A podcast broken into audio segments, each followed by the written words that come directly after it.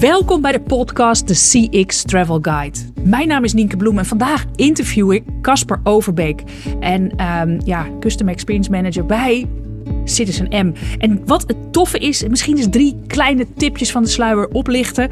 Hij, um, hij vertelt in het interview dat uh, bij Citizen M we accidentally found out we have a pandemic-proof hotel. Super interessant hoe zij gemak ja, wat ze eigenlijk al deden, dat dat heel goed ja, paste bij de gekke tijd waar we in leven.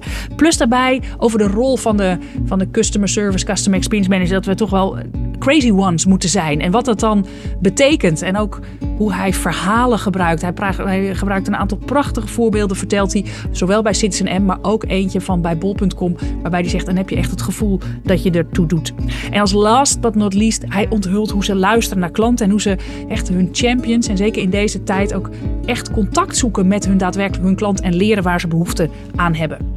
Deze podcast, de CX Travel Guide, in navolging op ons boek, zijn we deze podcast gestart. Om de succesverhalen dus in de CX-wereld te delen. Want zo werken we binnen Kirkman Company aan de missie om het CX-vakgebied verder te ontwikkelen. Er zijn veel organisaties bezig om die CX-reis te maken. Ook Citizen M en die wil ook die goede klantbeleving organiseren. En we leren dus graag van deze CX-managers die zijn of haar verhaal vertellen, lessons learned, successen, inspiratie. En dat is precies wat je vandaag gaat horen. Met trots presenteer ik de podcastgast van vandaag, Casper Overbeek. Hij is Chief Digital and Experience Officer, CXO, bij Citizen M. Een mooie rol in een sector die me heel uitdagend lijkt in deze coronatijden. We kennen elkaar nog niet, maar ik heb veel gewerkt met Evelien van Damme, die nu bij hem in het team werkzaam is. Dank voor de connectie, Evelien. Casper is zijn carrière begonnen als corporate trainee bij KLM. En waar hij in 10 jaar een prachtige carrière maakte tot aan Director Customer Care and Recovery. Hij stapte daarna over via Local Inc. naar de rol van Customer Service Director bij Bol.com. hij heeft een achtergrond als meester in de rechten. En die combi van een studie in rechten en Customer Service Customer Experience, die, die zie ik eigenlijk niet zo vaak. Op persoonlijk vlak is hij een actieve voetballer. Hij woont in Amsterdam, maar is een enorme Feyenoord-fan. Hij gaat graag naar Vlieland en heeft als lievelingsdier de pinguïn. Kijk, dat is een gast waar ik naast zakelijk interesse, want ik ben een fan van Citizen M Hotel in Rotterdam. Daar zie ik nog een andere parallel en dat is die pinguïn. Die komt namelijk centraal te staan in de grote klantenshow. Welkom Casper. Laten we eens gewoon luchtig dit eh, interview beginnen. Vertel me, waarom is de pinguïn jouw lievelingsdier? Ja, dat is een goede vraag. En uh, goedemiddag uh, of goedemorgen allemaal. Uh, ik denk dat ik pinguïn, ik vind het leuk aan pinguïns is dat ze zich in extreme omstandigheden staande weten te houden. Uh, ik vind ze eigenlijk heel onpretentieus. Ze zijn er gewoon en ze doen hun ding. En ik vind het ook fantastisch hoe ze zorgen dragen voor elkaar. dat ze monogaam zijn. Dat ze elkaar weten te vinden in te midden van duizenden andere pinguïns. dus dat vind ik heel hartverwarmend. Ik denk dat dat de reden is dat de pinguïn mijn lievelingsdier is. Naast het feit dat ze natuurlijk op een hele interessante manier zich voortbewegen. Wat ik gewoon leuk vind om naar te kijken. Ja, het is inderdaad een grappig bezig. En wel mooi wat je zegt, want uh, het is, ze zorgen echt goed voor elkaar. Hè? Ook uh, in tijden van stress of als iemand van het ei is, dan pakken ze dat van elkaar over. En ze zien inderdaad, ze zien elkaars verschil. En dat is, daar hebben ze echt oog voor. Mooi, mooi hoe, je dat, hoe je dat verwoordt. En zeker in deze tijd, nu we het opnemen, is net de sneeuw. En gisteren was er ook een stukje dat bij Oude Dierenpark gaan de pinguïns naar binnen. Want het was net even te koud en te extreem. Dus dat vind ik dan ook wel weer, ja, wel weer grappig. Ik ben, ik ben eigenlijk wel benieuwd, want in de voorbereiding dan duik ik altijd een beetje in de achtergrond van de gasten. En dan zag ik inderdaad meester in de rechten. En niet alleen heb je dat in Nederland gestudeerd, ook nog, even kijken, Dublin heeft zo uit mijn hoofd.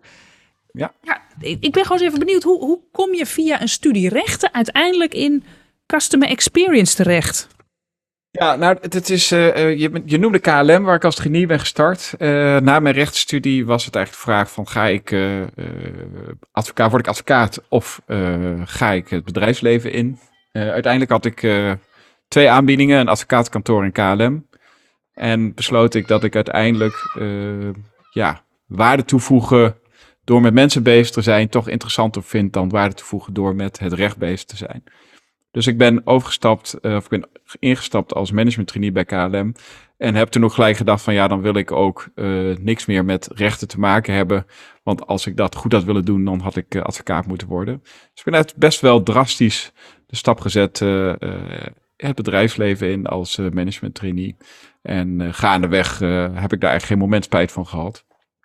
Omdat ik juist het mensdeel, het leidinggeven, het klantdeel, ja, het meest interessante vind wat er op dit moment ook is. Grappig. Ja, ik, je hebt ook echt een, een, een, eh, een mooie carrière zo bewandeld als ik het zag. Ook uh, niet alleen uh, in Nederland bij KLM, natuurlijk veel mensen bij KLM ook echt in het buitenland. Hè? Dus ook echt die global rol. En dat zie je natuurlijk bij Citizen M nu, nu ook. Ik vroeg mij af, waarom is Custom Experience voor jou een interessant vakgebied? Het is eigenlijk in mijn, mijn tijd bij KLM, ja, binnen KLM ga je de, de, de corporate ladder op en kom je op van allerlei plekken. En op een gegeven moment uh, werd gezegd: Casper, we zien jou uh, goed bij customer care. En toen dacht ik: Nou, uh, hoezo? Um, maar toch, als goed soldaat ben ik die rol in gaan vullen. En wat mij opviel was dat wij hadden op dat moment, als er dan dingen misgingen, of je vliegtuig gaat laat weg, of je bagage is er niet, dan hadden we eigenlijk allerlei regelgeving op basis waarvan wij zeiden: Nou, dit is waar je recht op hebt. En voor de rest moet je eigenlijk ja, moet je niet bij ons komen. En dat vond ik, vond ik heel gek. Uh, want ik dacht, ja, uh, als mensen vliegen, dan is er altijd al een beetje een stressniveau. Dan voelen mensen zich ongemakkelijk. Je moet op tijd komen. Wat wordt allemaal van je verwacht? Op een vreemde plek waar je naartoe gaat. Naast wie zit je straks de komende tien uur? En als er dan dingen verkeerd gaan, dan, uh, ja, dan is dat eigenlijk nog, nog heftiger. en ik dacht, ja, als we dat goed oplossen, dan kunnen we eigenlijk gewoon je, jouw stressniveau en de manier waarop je dat beleeft, eigenlijk veel, veel prettiger maken. Uh, en eigenlijk gewoon je hele product, wat je ervaart op het moment dat je aan boord stapt van een vliegtuig, uh, eigenlijk beter laten ervaren. En wat ik toen ook zag, was dat uh, een heleboel airlines daar eigenlijk gewoon niet goed mee omgingen, of gewoon een zootje van maakten. Dus ik dacht, als ze dat nou slim doen, dan kunnen we er ook een USP van maken. En dan kunnen we echt zeggen, KLM is hier heel goed in. En dat is een reden waarom jij voor KLM kiest. En toen ik met die stukje visie of idee bezig was, uh, toen kwam ik erachter dat het voor mij, mij eigenlijk vrij makkelijk afging om in te leven in wat de klant beweegt. En ook daar een stukje waarde aan toe te voegen. Dus ja, leuk dat wij leuk zijn, lief zijn voor een klant, maar wat levert het ons op? En dat was eigenlijk in die tijd zeker nog een niche. En die niche, die ben ik uit gaan bouwen. En ja, dat werd eigenlijk een passie. Mijn passie is waarde toevoegen voor klanten. Ik word ook helemaal onrustig als ik dat een tijdje niet doe. Uh, en uh, ja, dat is eigenlijk hoe het gekomen is. Ik vond het mooi wat je zei, eh, Casper. De passie is waarde toegevoegen voor die klant. En als je dat nu bekijkt bij jouw rol bij Citizen M, wat, ja, hoe, hoe is jouw rol hier nu in? Wat betekent dat?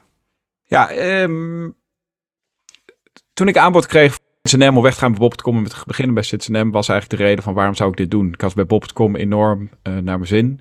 Uh, ook mooie dingen neer kunnen zetten op het gebied van customer service, op klantgebied. Uh, uh, op uh, een stukje softere beleving brengen bij, uh, bij, bij het bol.com. Maar voor mij is wat Citizen doet echt uniek, want er is geen bedrijf dat ik ken dat zo guest-centric is en zo guest-centric denkt als Citizen Voor mij was dat echt de Champions League in, in klantdenken. Dus toen ze mij vroegen om ja, aan boord te gaan. En dat was op het gebied van membership ontwikkeling en op het gebied van digital ontwikkeling. Dacht ik van ja, dit is het moment. Uh, want nu kan ik die passie die ik heb ook echt op het, de core van het product inzetten. Uh, en op strategisch niveau ook uh, het verschil maken bij ja, de groei van Citizen die we voor ogen hebben. Dus de waarde en wat Citizen belangrijk vindt, matchte heel goed met de passie en wat, wat ik voor ogen had als mijn ambitie.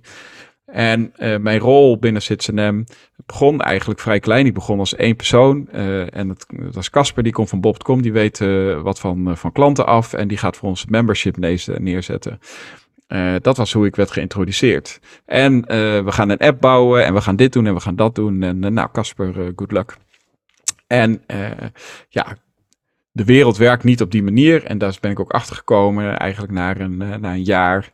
Uh, dacht van ja, weet je, we moeten, als we na willen denken over de digital guest experience, als we na willen denken over hoe we dat end-to-end uh, die klant aan hand nemen in wat we hem willen laten ervaren of haar, als we na willen denken over hoe we waardering willen geven voor loyalty, als we een stukje sense of belonging willen geven. Dus je, je hoort erbij. En ja, dan moeten we uh, wat, wat breder naar uh, customer experience kijken. En het interessante eraan is dat in de hotels vandaag de dag, onze ambassadors, dat zijn de staf, die doen dat al. Die doen niks anders. Die hebben een klanttevredenheid als enige metric. We hebben een enorm hoge NPS. En ja, daar zit het gewoon eigenlijk al helemaal goed. Maar als je dat vertaalt naar een soort van online domein, als je kijkt naar uh, hoe wij de klant begeleiden van het moment dat ze bij ons willen gaan boeken totdat ze weer thuis zijn, daar lag nog heel veel te winnen. Er was ook nog heel veel te winnen op uh, de manier waarop wij de klant kenden. In wezen hielden wij vrij weinig bij, of heel wel veel wij van wie de klanten waren, maar we deden er niks mee. Dus wat ik eigenlijk het eerste jaar heb gedaan, is heel erg in kaart brengen wat, wat we nou uh, nodig hebben om die stap te zetten. Uh, en vervolgens ben ik gaan bouwen aan, nou ja, aan de app, aan een uh, nieuwe website, uh, aan een nieuw loyalty model, aan een subscription model en allerlei onderwerpen, aan een customer data platform. En zo is er eigenlijk een team ontstaan van wat inmiddels vier disciplines heeft. Dus we hebben alles wat te maken heeft met onze digitale customer journey. We hebben een stuk loyalty. Uh, we hebben een uh, stuk customer data activatie en we hebben inmiddels ook customer service. Dat is waar Evelien uh, nu werkt. zodat we echt die klant ja, eigenlijk in elke stap van, van zijn of haar journey kunnen begeleiden. En echt weten, ja, hoe maken wij nou het verschil en hoe kunnen we de volgende stap zetten in een nog betere Citizen experience. Gaaf. En voor, voor de luisteraars die misschien Citizen M niet kennen, ik denk dat er maar heel weinig zijn. Maar kun je even iets meer vertellen over Citizen M als organisatie of als ja? Ja, M is eigenlijk begonnen. Het is een Nederlands bedrijf, uh, begonnen ruim 10 à 15 jaar geleden. Eigenlijk vanuit een stukje klantfrustratie, want de gedachte was: mensen willen uh, in een vier of vijf sterren hotel zitten en uh, ja, vinden dat dan te duur.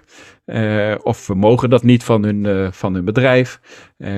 maar ze zijn wel op zoek naar een stukje, ja, een stukje luxe. En dat was eigenlijk, dat begon met een affordable luxury concept. Dus voor een drie sterren prijs kreeg je vier of vijf sterren service. we zijn begonnen in Schiphol en al snel doorgegroeid Amsterdam, Rotterdam, toen Londen, Parijs, uh, New York, uh, inmiddels Seattle. Uh, nou, we hebben nu 22 hotels wereldwijd. en we hebben een groeipad die gaat naar nou, ruim 40, 50 sowieso en wellicht nog daarna. En eigenlijk zijn al die hotels die kenmerken zich door best wel herkenbare dingen. Ten eerste, we hebben vrij kleine kamers. Daar krijgen we soms ook wel commentaar op. Maar in die kamer is altijd een fantastisch bed. Uh, en er is een, een, een, een, ja, een digital stack die het uh, eigenlijk makkelijk maakt. We hebben een uh, iPad waarmee je je lichten aan en uit kunt doen en je gordijnen kunt controleren en het klimaat, dus je temperatuur. en inmiddels kun je dat dus ook doen via de app. Dus die kamer die is comfortabel, heeft wat het nodig heeft, maar is, ook, is ook niet meer dan dat. Want het leven speelt zich af in onze living room. Dat is beneden. We hebben niet echt een lobby. We hebben één grote plek waar je binnenkomt. Dat is een, een, een, een, een ja, ruimte waarin je in kunt checken. Maar je kunt ook een biertje drinken, cappuccino. Je kunt werken, je kunt tv gaan kijken, wat je maar wil. die ruimte altijd aangekleed met, met, met, met kunst. mooi meubilair van Vitra. Echt zorg van, ja, weet je, je moet echt een, een we noemen het altijd uh, your best friend's home. Dus niet zozeer je eigen thuis, maar wel de plek waar je thuis voelt op het moment dat je binnenloopt. Uh, en het meest bijzondere daaraan vinden we toch wel onze uh, staf, die ik al heb genoemd, de ambassadors. Uh, want zij zijn ervoor om jouw leven zo aangenaam mogelijk te maken. onze check-in gaat op dit moment via een kiosk of via de app, dus niet meer via een desk, of dat heb ik nooit gehad. Waardoor je eigenlijk maar 40, 50 seconden daarmee bezig bent. En de rest van de tijd staat er iemand die je welkom heet. En die gewoon zegt van ja, wat kan ik doen om uh, jouw verblijf hier zo aangenaam mogelijk te maken. Het werkt. We groeien door.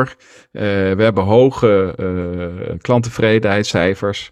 Uh, ja, en als corona er niet was geweest, dan waren we alweer een stukje verder geweest met onze uitbreiding van onze keten. Ja, ja dat is natuurlijk uh, zeker in, uh, in de, de travel. je bent niet meer bij KLM, maar dat heeft natuurlijk ook nogal impact. Als je nu ja, jouw vakgebied en, en COVID, wat, wat voor uitdagingen kennen jullie op dat vlak nu sinds maart vorig jaar?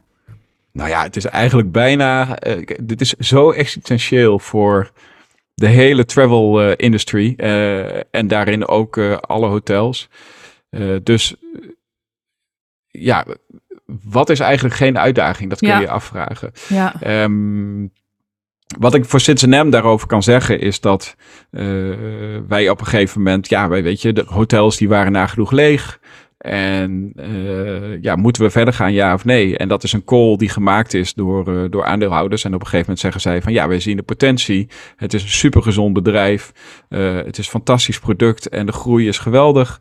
dus dat gaan we nu niet stoppen. toen hebben ze wel gezegd, we willen wel dat er door wordt geïnnoveerd. Want we hebben niks aan als we alles op pauze zetten en dan is de wereld totaal anders.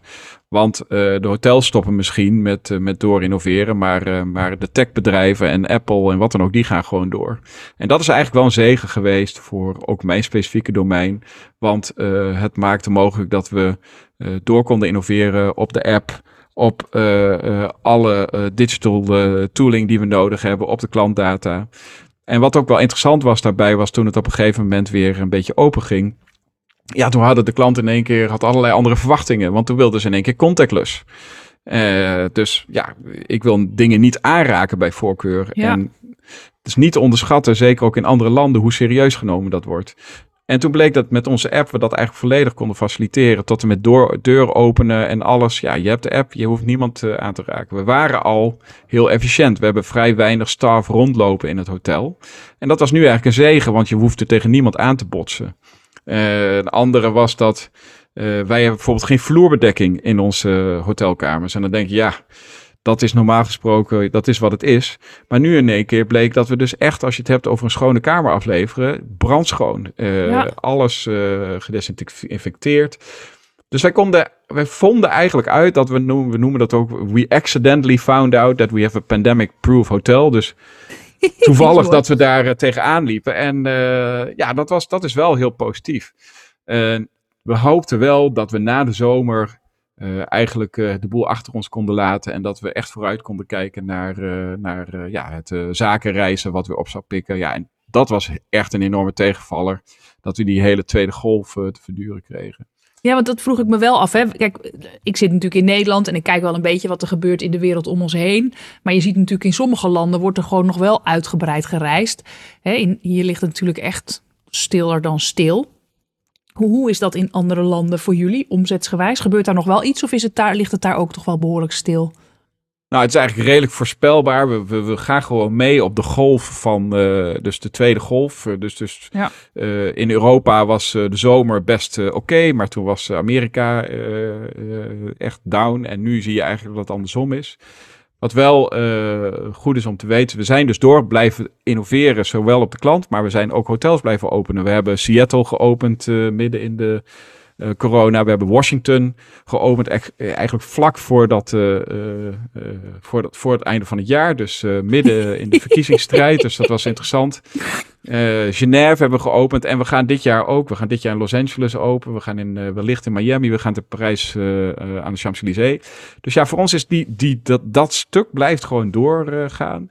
en ondertussen ja, denken wij en zien wij ook uh, dat uh, alle trends die wijzen erop dat uh, het reizen straks weer helemaal terugkomt.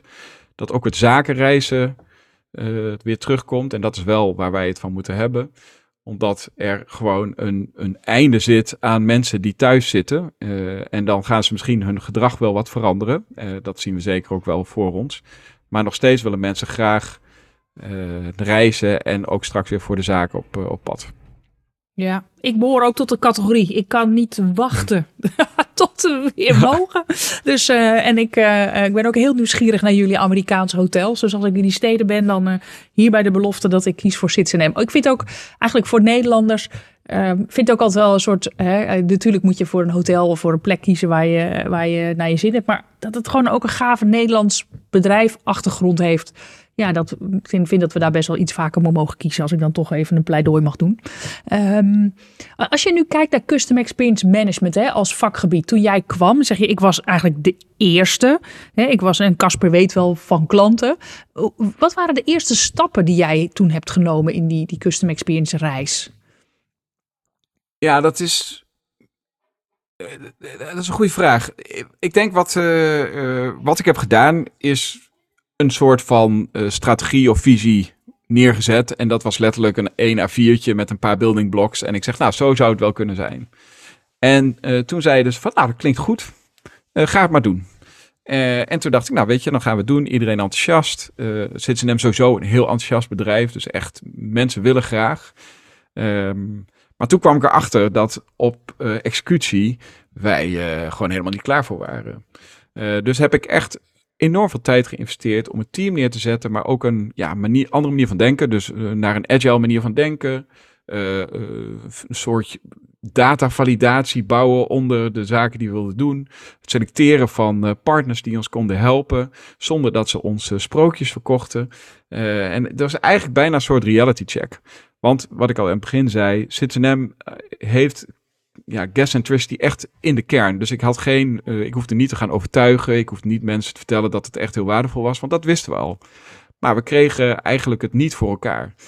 Dus ik denk dat mijn uh, afgelopen drie jaar binnen Citizen uh, als ik iets is wat ik moet zeggen, ja, dat is wat de, de, het verschil heeft gemaakt, is eigenlijk vooral die executie uh, erin brengen.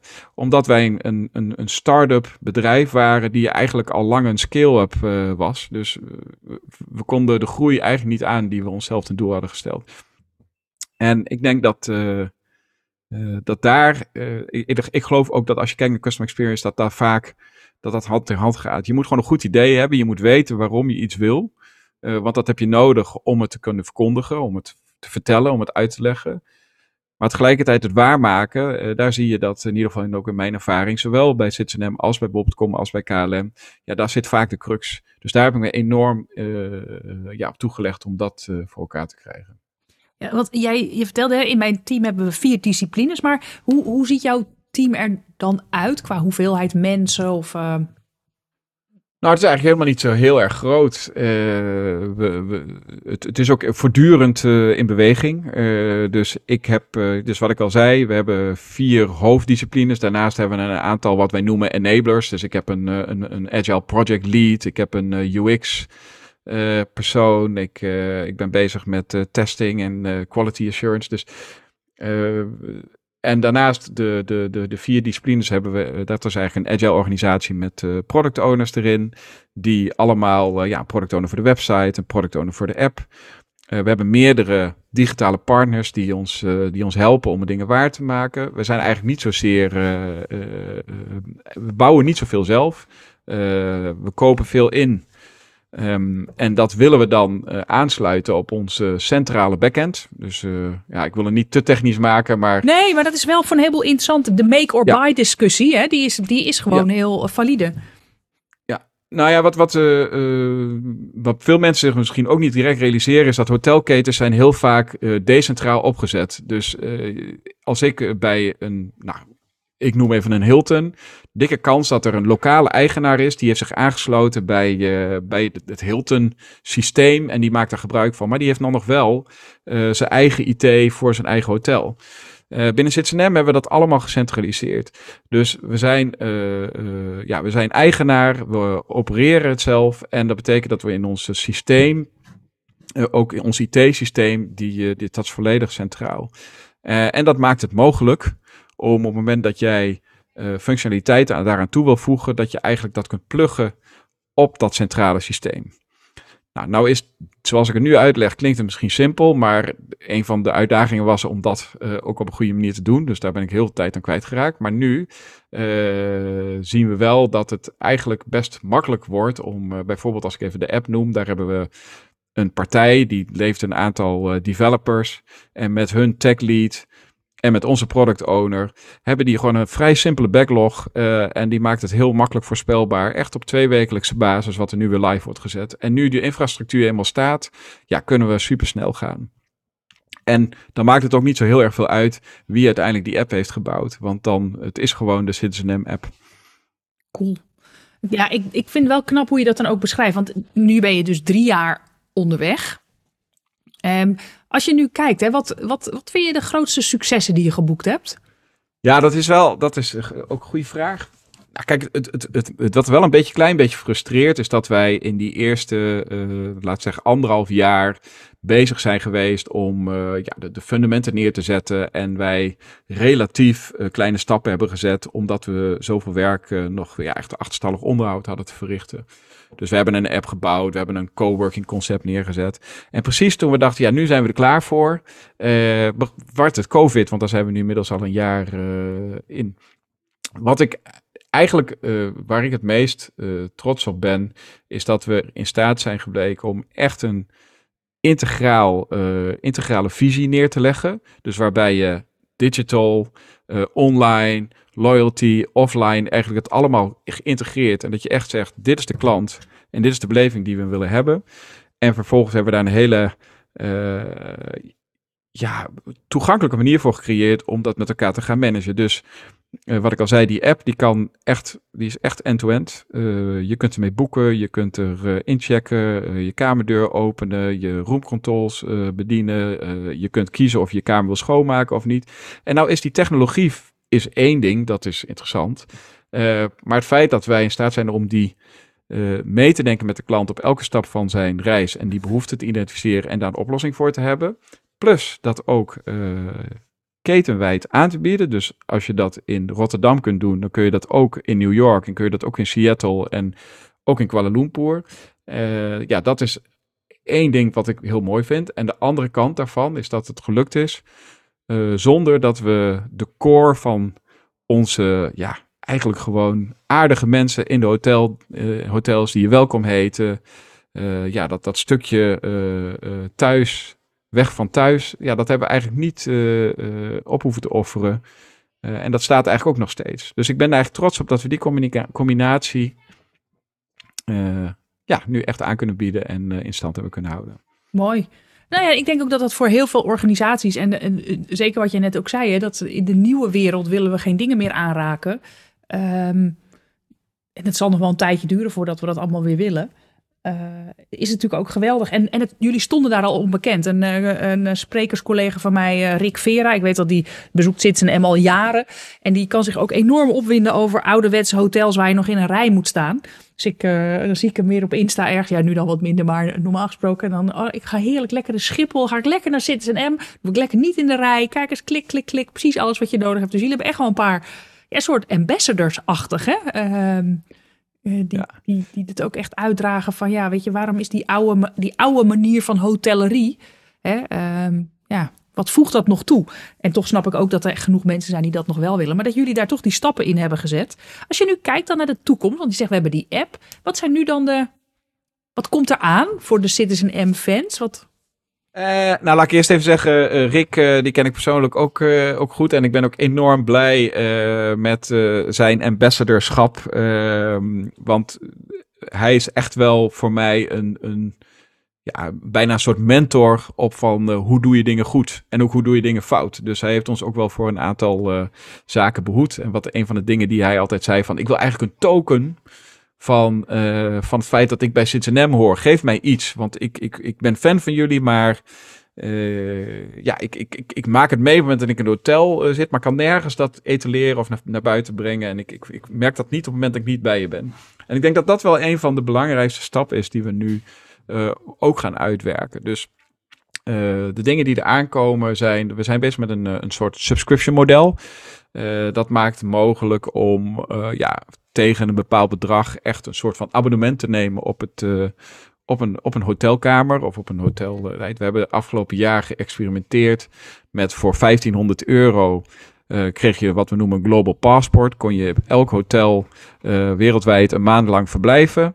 Uh, maakt hij niet uit, een weekje in Parijs, een paar dagen in Londen. Dat is best wel succesvol geweest. We hebben ook een corporate subscription, waarbij we voor zakenreizigers dat mogelijk maakten.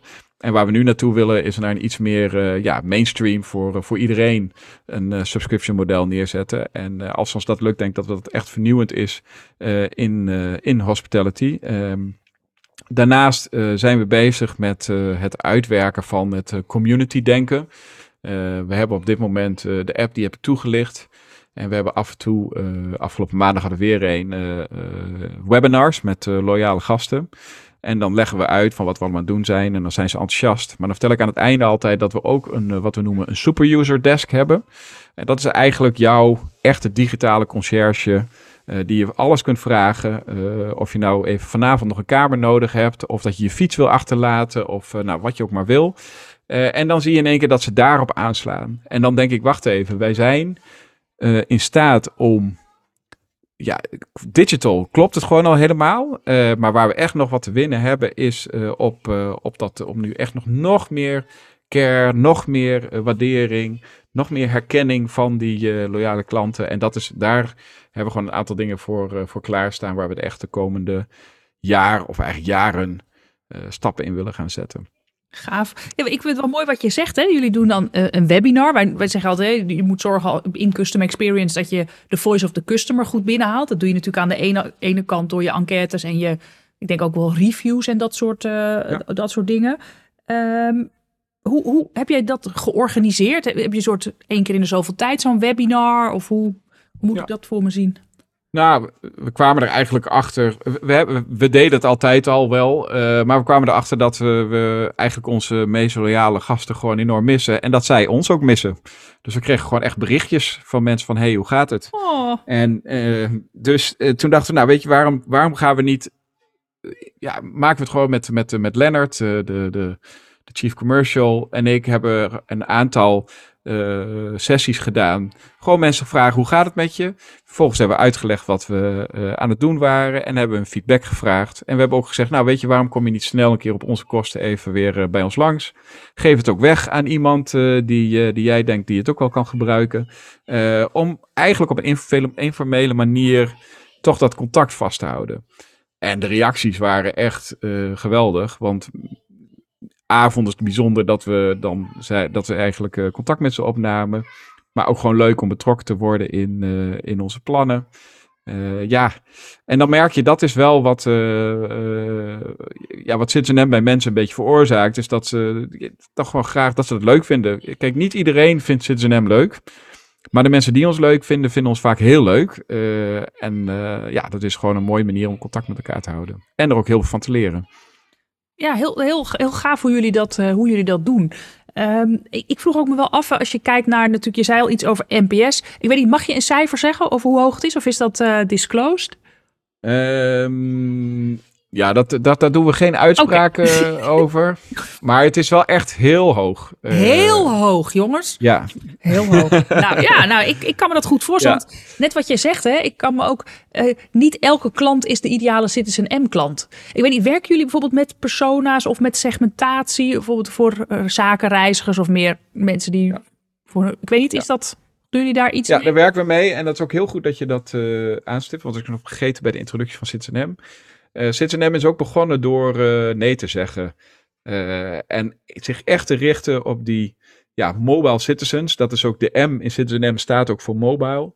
Dat zijn mensen die zijn ja, uh, reizigers die het ja, gewoon makkelijk vinden om te reizen, die vaak op pad zijn, die precies weten waar ze wel of geen behoefte aan hebben, die uh, van design houden, maar die het ook uh, wel betaalbaar willen houden. Gewoon precies een beetje die niche. En nou, misschien ben jij er ook wel eentje, Nienke, als ik dat zo Ja, ik, hoor. Ik, ik, word er heel blij van. Het een M, dus in die Ja, en, en, en dat betekent dus, bij ons vind je dus, als jij met je familie wil komen, ben je echt van harte welkom. Vinden we hartstikke leuk, maar bij ons ga je geen speelgoed vinden. Maar we doen ook geen tourbussen of uh, airline crew. We willen echt ons richten op die uh, specifieke groep. Uh, en dat betekent ook dat wij, ja, die, die target audience, die is eigenlijk hetzelfde geweest vanaf dag één. Maar die behoefte van die groep, die verandert natuurlijk voortdurend.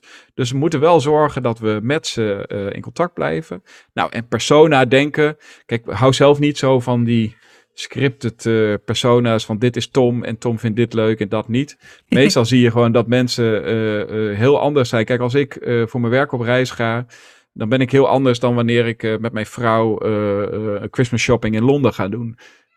en volgens mij ja, is de, de, de, de kunst is juist om dat goed, goed te onderkennen. Maar wat we wel zien is dat wij een bepaalde doelgroep spreekt ons heel erg. nee, wij spreken een bepaalde doelgroep aan. En daar staat tegenover dat er af en toe mensen komen en die zeggen: Ja, hoezo? veel te kleine kamer. Of ik vind jullie eten niet goed. Of wat dan ook. Nou, kijk, en als dat dingen zijn die we waar, die, die onderdeel zijn van wat we graag waar willen maken, dan, dan gaan we er direct op af, want dan willen we dat het goed is. En als er dingen zijn van ja, die we niet kunnen veranderen, zoals bijvoorbeeld de omvang van de kamer, ja, dan is het, ja, als je dan niet bij ons logeren, dan is dat ook goed. Dan vinden we je nog steeds aardig en vriendelijk en dan uh, is dat ook oké. Nou ja, ik denk dat dat, het is wel interessant, want de persona's, je hebt uh, voorstanders en tegenstanders in, in het CX-vakgebied. En uh, ik heb het uh, een paar keer heel goed zien werken. En ik heb het ook meerdere keren niet goed zien werken met persona's. Dus dat, het is ook zo afhankelijk van degene die ze introduceert, hoe ze geïntroduceerd worden. Hè, en of, je, of, of daar landingsgrond voor is. Ja, en in een organisatie als die van jullie, waar al natuurlijk zo het, het guest-centric denken al staat, heb je ze misschien ook wel minder nodig. Vind je? Is dat. Um... Ja, nou kijk, ik, ik, wat, wat, je, wat, wat, wat de valkuil is van persona's, is dat je gaat uh, scripten. Dus dat je gaat voorschrijven hoe je op een bepaalde manier moet reageren in welke situatie. En als je dat heel serieus doorneemt, dan kun je daar heel ver in gaan. Um, maar dan neem je wel uh, de authenticiteit weg. Ja. Uh, en daarom ben ik daar niet zo'n voorstander van. Omdat je dan, als je vergeet te luisteren, omdat je gewoon in je hoofd hebt, jij past in dit hokje en daarom vind jij dit en dit leuk. Ja, dan kun je de plank enorm misslaan. Uh, het is wel zo dat als je uh, zeker uh, als ik kijk naar de, de, complexiteit van een hotel experience met zoveel stappen, je moet wel een bepaalde logica hebben in wat je iemand wil laten ervaren. dus in die zin vind ik persona's wel ja, dat, het, het, zijn, het, het, biedt wel steun, maar ik zou er niet blind op varen. Dat is denk ik wat ik wil zeggen. Nee, dat, ik, ik, het ligt ook aan, hè, gebruik je ze voor je bijvoorbeeld je designachtige elementen. Dat als je customer journeys doet, dat je in ieder geval niet door je eigen lens kijkt, maar wel door de, de, de bril van de klant. Tot aan wat jij nu zegt, hè, van ze helemaal gebruiken in, uh, in customer service en in de dagelijkse operatie. Ja, dan, dan moet je wel, uh, het is wel echt een totaal verschillende discipline. Um, ik, ik vroeg me wel af, je had het net al over, als je kijkt naar, uh, we hadden het net even over NPS. Hoe, hoe gebruik jij verder in, binnen team data en inzicht om te komen tot die betere dienstverlening? Ja, nou, dat is, uh, ik, daar kan ik wel iets over vertellen. Dus we hebben een, een NPS en daarnaast hebben wij een mandje van de, alle review scores. Uh, die er op TripAdvisor, op Booking.com, op nou, wat dan ook zijn. En, en eigenlijk die twee gebruiken wij. Dus aan de ene kant, we vragen gewoon uit. En aan de andere kant kijken we naar wat mensen over ons publiceren. Uh, en um, wij proberen ook op het moment dat wij op TripAdvisor of wat dan ook reageren altijd. Uh, althans, uh, nou, laat ik het afkloppen. Maar in principe reageren we altijd. Ook als het niet goed is, maar ook als het wel goed is. En proberen we in ieder geval het, het, serieus te nemen. En daar, dat is de eerste stap. Tweede stap is, de, heb je een kwantitatieve en een kwalitatieve kant.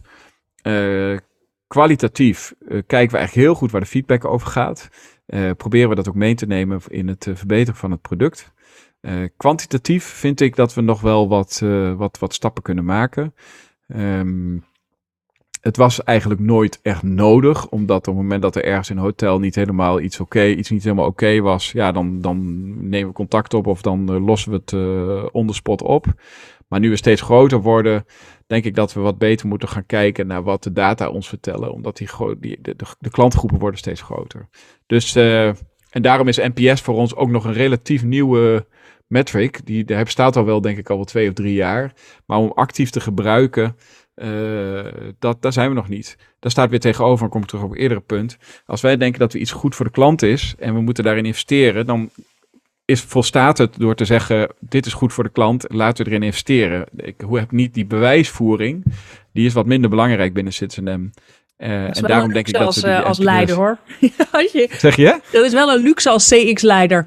Um, als ik, uh, ik ja, nou, ja, dat is, het is, maar het is echt interessant. De, de, de, de, de gut feeling. En binnen CitizenM noemen we dan op een gegeven moment noemen we dat on-brand. Uh, bij een aantal van onze uh, de founders of de mensen die vanaf het eerste uur erbij uh, waren, is zo sterk ontwikkeld dat ja, het heel intuïtief was van dit is goed en dit is niet goed. Nou, als je steeds groter wordt, zoals wij, ja, op een gegeven moment kan dat niet meer uit. en op een gegeven moment kun je ook niet alles meer in je eentje overzien. En dan ga je die data ook nodig hebben. Uh, om een stukje bewijsvoering. En ik zie het nou bij de app. Dus bij de app zien we bijvoorbeeld dat mensen die onze app gebruiken, die laten een nog hogere klanttevredenheid zien dan eh, wanneer ze geen app gebruiken. Wat we nog niet weten is of dat komt doordat, doordat ze de app gebruiken of omdat de meest tevreden mensen de app gebruiken. Dat soort causale verbanden moeten we allemaal nog uitzoeken. Dus dat is wel een interessante volgende stap. Kijk, dat zijn, oh, dan, mijn, mijn CX-hart gaat dan harder kloppen. Dat zijn natuurlijk geweldige dingen om uit te vinden.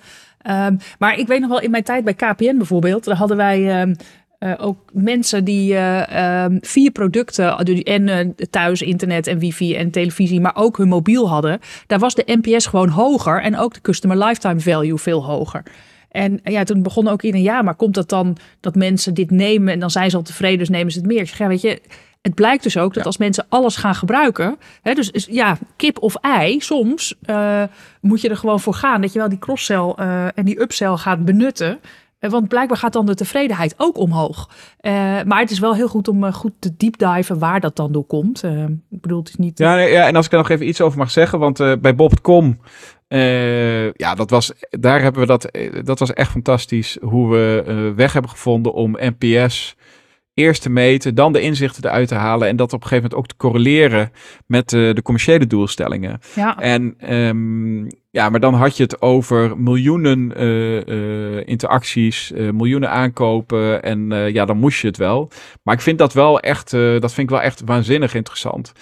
omdat je, dat is natuurlijk als CX fanaat, en dat ben jij dus ook, en dat zullen men, mensen ook herkennen. Je hebt altijd van, ja, oké, maar wat levert het op? En um, als het lukt, en dat kan dus uh, met data, om een, een, een, verband aan te tonen tussen NPS en, en aankoopgedrag, ja, dat is echt fantastisch. Want dan kun je je business cases en alles wat je daarvoor nodig hebt, uh, kun je veel makkelijker brengen. Dan kun je ook de CFO uh, het uitleggen waarom het belangrijk is om te investeren. Ik vind ook, hè, we zitten wel, en dat heb ik het wel best wel wat met uh, een boel CX'ers over. Dus we zijn ook wel in een businessprofessie. Het moet ook wel, het moet natuurlijk waarde voor het merk, waarde voor de organisatie toevoegen. En um, ja, dat moet je op een gegeven moment ook wel kunnen bewijzen. Ook al, hè, wat weet je zegt, de gut feeling en we moeten on-brand zijn. Uh, bij sommige organisaties is die gut feeling wat misschien wat, wat minder. Uh, ook omdat dat niet in het DNA zit van de mensen. Maar ik vind wel dat je het op een gegeven moment ook zakelijk moet kunnen aanvliegen. Ja. En um, ja, dan is dat fact-based stuk en data en inzichten. Uh, wel mooi. Ik, ik, je zat ook te vertellen net over um, jullie meest loyale gasten. Hebben jullie daar een naam voor of niet? Of hebben jullie bepaalde ja, nou, we hebben uh, sinds uh, uh, ongeveer anderhalf jaar werken we met Customer Lifetime Value. En het Customer Lifetime Value baseren wij op zogenaamde RFM-model. En dat is Recency, Frequency en Monetary. Dat kijkt eigenlijk naar hoeveel spendeer je in drie jaar, hebben wij dan gezegd. hoe vaak kom je bij ons en ook wat is de laatste keer dat je bent geweest? Want dat is ook een relevante. Um, en daar hebben we een segmentatie op gedaan. Uh, dus we kijken naar wat voor categorieën klanten we hebben. En de hoogste segment, dus de mensen die het vaakst bij ons komen, heten bij ons champions. Uh, en uh, dat is eigenlijk gewoon een, een platte transactionele manier om het te benaderen. En dan binnen die groep champions hebben we nog een speciale categorie en die noemen we superusers. Omdat we er eventjes geen betere benaming voor hadden. Dus dat is eigenlijk een soort werktitel die nog steeds is blijven hangen. Dus dat gaan we nog een keer aanpakken, passen. Um, en dat zijn de mensen die echt in die box, die nodigen uit voor de webinars. Dat zijn, ja, wij zijn, wij hebben mensen die 250 nachten per jaar bij ons logeren.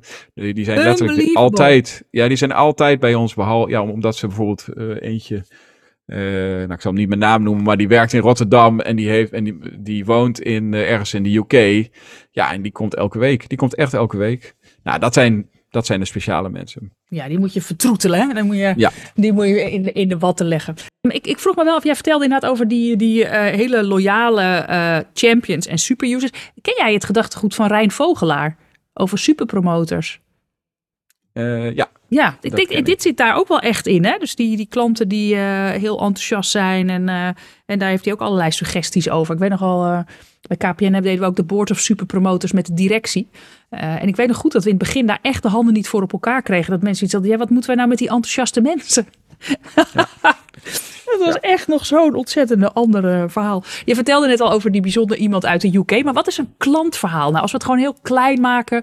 Dat je echt zegt een Citizen M klantverhaal wat je gewoon niet meer vergeet. Iets wat bij is gebleven. Och, die zijn er zoveel. Um, binnen Citizen hebben wij het concept uh, Random Acts of Kindness. En dat betekent dat de, de, de staf in de hotel, die kunnen gewoon doen wat ze willen om, om het, uh, uh, ja, als er iets gebeurt, om het gewoon te regelen. Um, en dat vinden we heel belangrijk. En dan is het ook alles, alles uit de handen vallen om iets te gaan regelen is perfect. Dus dat kan zijn, uh, ja, weet ik veel, als, als er een, een, een, bus niet komt en dan gewoon een taxi regelen. Bij gestrande mensen nog een extra overnachting aanbieden. Maar er zijn ook ambassadors die mee zijn gegaan naar ziekenhuizen omdat een man verongelukt was en in het ziekenhuis lag. En die vrouw niet wist hoe die daar moest komen omdat ze in een totaal vreemde stad was. wat ik nog weet is dat op een gegeven moment iemand zou gaan trouwen. Uh, in, uh, in New York. En uh, die overnachtte in Citizen. En toen had ze daar een kappersafspraak. En het was een Belgische. En toen had ze een kappersafspraak. Maar die kapper die kon niet of die, dat ging niet door. Nou, vind maar eens op je trouwdag in een plek waar je niet weet. Uh, vind dan maar eens een, een kapper. Nou, die was ook niet te vinden, want het was druk. En toen is gewoon een ambassador zelf aan de slag gegaan met spullen uh, gekocht en zelf de hele make-up en de haar gedaan. En dat is dan helemaal oké. Dat vinden we fantastisch. En dat soort dingen, dat, dat maakt het zo krachtig. Ik hoorde toevallig afgelopen uh, week. Uh, was tijdens een van die webinars iemand van de consultancy firm en die moest in één keer een zaken, zakenfeestje regelen en een zakendiner en dat was iets niet de, de restaurantbevestiging was niet doorgegaan of wat dan ook. Die zat echt in zak en as, want het was gewoon een belangrijke bijeenkomst. Nou, wij hebben niet echt sterren, sterrengerechten in ons, in ons hotel. Maar wat we wel konden doen was een, een kennelijk een, een speciaal stukje afzetten. Waar die man die gasten kon ontvangen. En die hebben er toen toch een hele informele avond van kunnen maken. Wat gewoon ontzettend fijn was. En hij voelde zich zo geholpen. En dat is het denk ik ook. Je moet gewoon in, in staat zijn om altijd naar de mensen blijven kijken. Van wat is je behoefte? Iemand komt een beetje treurig naar beneden. Um, van nou, wil je een kop koffie? En als dan iemand een beetje, eh, ja, hoe zeg je dat, geen zin heeft om te praten, dan ga je ook niet doorvragen. Maar als iemand een verhaal kwijt wil, dan zijn we ervoor om wel naar het verhaal te luisteren. Uh, en en daar hebben we zoveel uh, verhalen van dat we elk jaar organiseren een competitie. Waarbij alle hotels eigenlijk hun inzendingen in kunnen sturen voor de, de best ook. En dan krijgen ze een of andere award. Ja, en die verhalen zijn altijd, altijd heel mooi. Dat, Kijk. Ja. Daar hebben we er veel van. Dus de award. En hoe heet de award? Ja, het is uh, RAOK. Uh, uh, dus oh, Random, random Acts of Kindness, de RAOK Award. En, ja, en je krijgt een van onze, we hebben zo'n kabouter die de middelvinger opsteekt. Ja, ik ken hem. Onze, en dan krijg je de gouden kabouter die de middelvinger opsteekt. Dat is oh, briljant. Ja, dit award. soort initiatieven. Ik zeg ook al tegen custom experience managers, vind iets in het cultuurelement waar een bepaalde nou ja, een gamification-achtig iets element dat je iets kan winnen, maar dat ook heel erg past bij, je, bij je merk. En deze is natuurlijk goud. Ja, letterlijk en, ja. letterlijk en figuurlijk. En voordat we hem zo afronden, ik heb nog honderd vragen, maar ik ga er gewoon uh, um, uh, nog eentje stellen. Uh, zeker in de rol als verantwoordelijke voor custom experience managers. En daar luisteren heel veel mensen ook naar. En ik denk ook wel fans van Citizen M. Wat is nou jouw tip voor mensen in dit vakgebied om, om succesvol te zijn? Gewoon naar jou, jouw oordeel. Um, nou, ten eerste, uh, uh, uh, customer experience, customer service, it is for the crazy ones. je moet er echt in geloven. wat, wat ik deed, toen ik helemaal aan het begin van het gesprek, ik werd bij KLM, werd ik min of meer gezegd, jij gaat customer care doen. En op dat moment had ik daar niet echt gevoel bij. En ik heb dat ontdekt, hoe mooi dat is. En ja, die passie is heel belangrijk.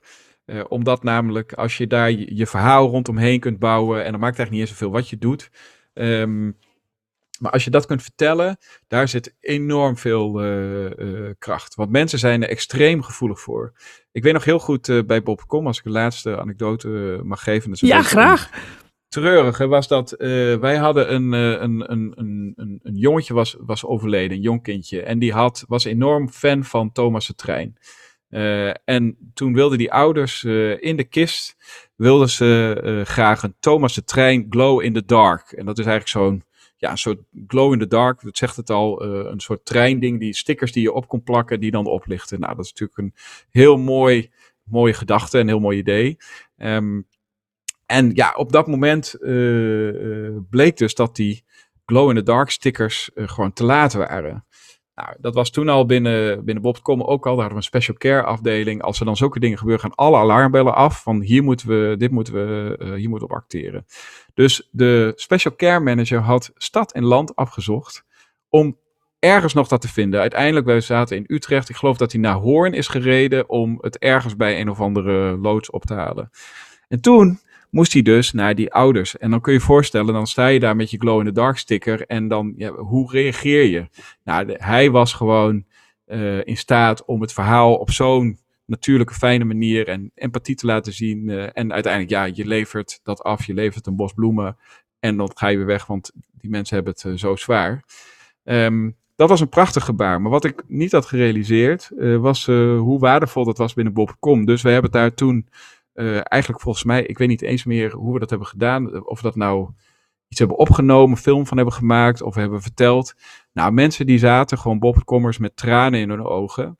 Uh, en dan zag ik, dacht ik van ja, weet je, ik kan keihard werken, ik kan NPS laten zien, ik kan van alles en nog wat. Maar als je dan twee of drie van dit soort verhalen hebt, en dit was wel een hele heftige, maar toch, dan weet je gelijk wat het echt toe doet. Uh, en um, ik probeer ook in alles wat ik, uh, uh, ja, wat ik breng elke dag, altijd weer gewoon in die klant van, ja, wat is mijn behoefte, wat zou ik willen? en als je dat doet, ja, dan kun je eigenlijk niet verkeerd zitten. Dus dat zou mijn tip zijn. Wat een prachtig, prachtig advies. Uh, dankjewel Casper voor uh, het interview, voor jouw tijd en voor je geweldige inzichten. Uh, als mensen je willen vinden, we hebben in de show notes altijd ook... vind je het leuk als mensen jou op LinkedIn vinden? Of? Tuurlijk, van harte welkom. Ik uh, maak graag kennis met uh, mensen die net zo gepassioneerd zijn. En uh, ja, er komen nog mooie tijden aan. Als straks de COVID voorbij is, dan oh, kunnen we elkaar allemaal, allemaal naar zitten in de armen vliegen. Gaat het beleven? Want ik kan ook echt zeggen, het is, het is echt anders, maar het is zo geënt op het hier en nu. Um, en ik, ik, ik de, ja, wat je ook zegt, jullie ambassadors, die maken het verschil. Ik kan het aan, ja, uit mijn eigen praktijk vertellen. Ik ben ook altijd heel eerlijk als het niet goed uh, is, maar het was gewoon echt perfect. Dus uh, complimenten hoe jullie dat doen. En uh, nou, graag als we straks gewoon weer live mogen afspreken, een keer een biertje drinken. Nou, hartstikke leuk. Dankjewel, Nienke. Oké, okay, dankjewel. Dank voor het luisteren naar deze podcast. En hopelijk heb je inzicht gekregen in de ervaringen van Casper eh, en zijn rol uh, binnen Custom Experience bij uh, Citizen M. Je mocht misschien af en toe denken: wat hoorde ik nou daar? Ehm, bij Casper buiten was een sneeuwballengevecht aan de gang. Ja, en dat gaat ook gewoon door in deze tijd. Wil je trouwens starten met Custom Experience of wil je verder aan de slag? Kun je wat hulp gebruiken? Laat het ons bij Kirkman dan weten. Want Kirkman Company transformeert organisaties. En uh, wil je meer weten over al onze podcasts die er zijn of informatie uit de podcast in de show notes bekijken, inclusief de LinkedIn-adres van Casper? Kijk dan op www.kirkmancompany.com/podcast. En Kirkman schrijf je als Kirkman, K-I-R-K-M-A-N. Um, de podcast staat tegenwoordig ook op Spotify en die kun je daar natuurlijk ook vinden. Mijn naam is dus Nienke Bloem. Ik vind het ontzettend fijn dat jullie geluisterd hebben. En dank je wel weer. Graag tot de volgende CX Travel Guide podcast.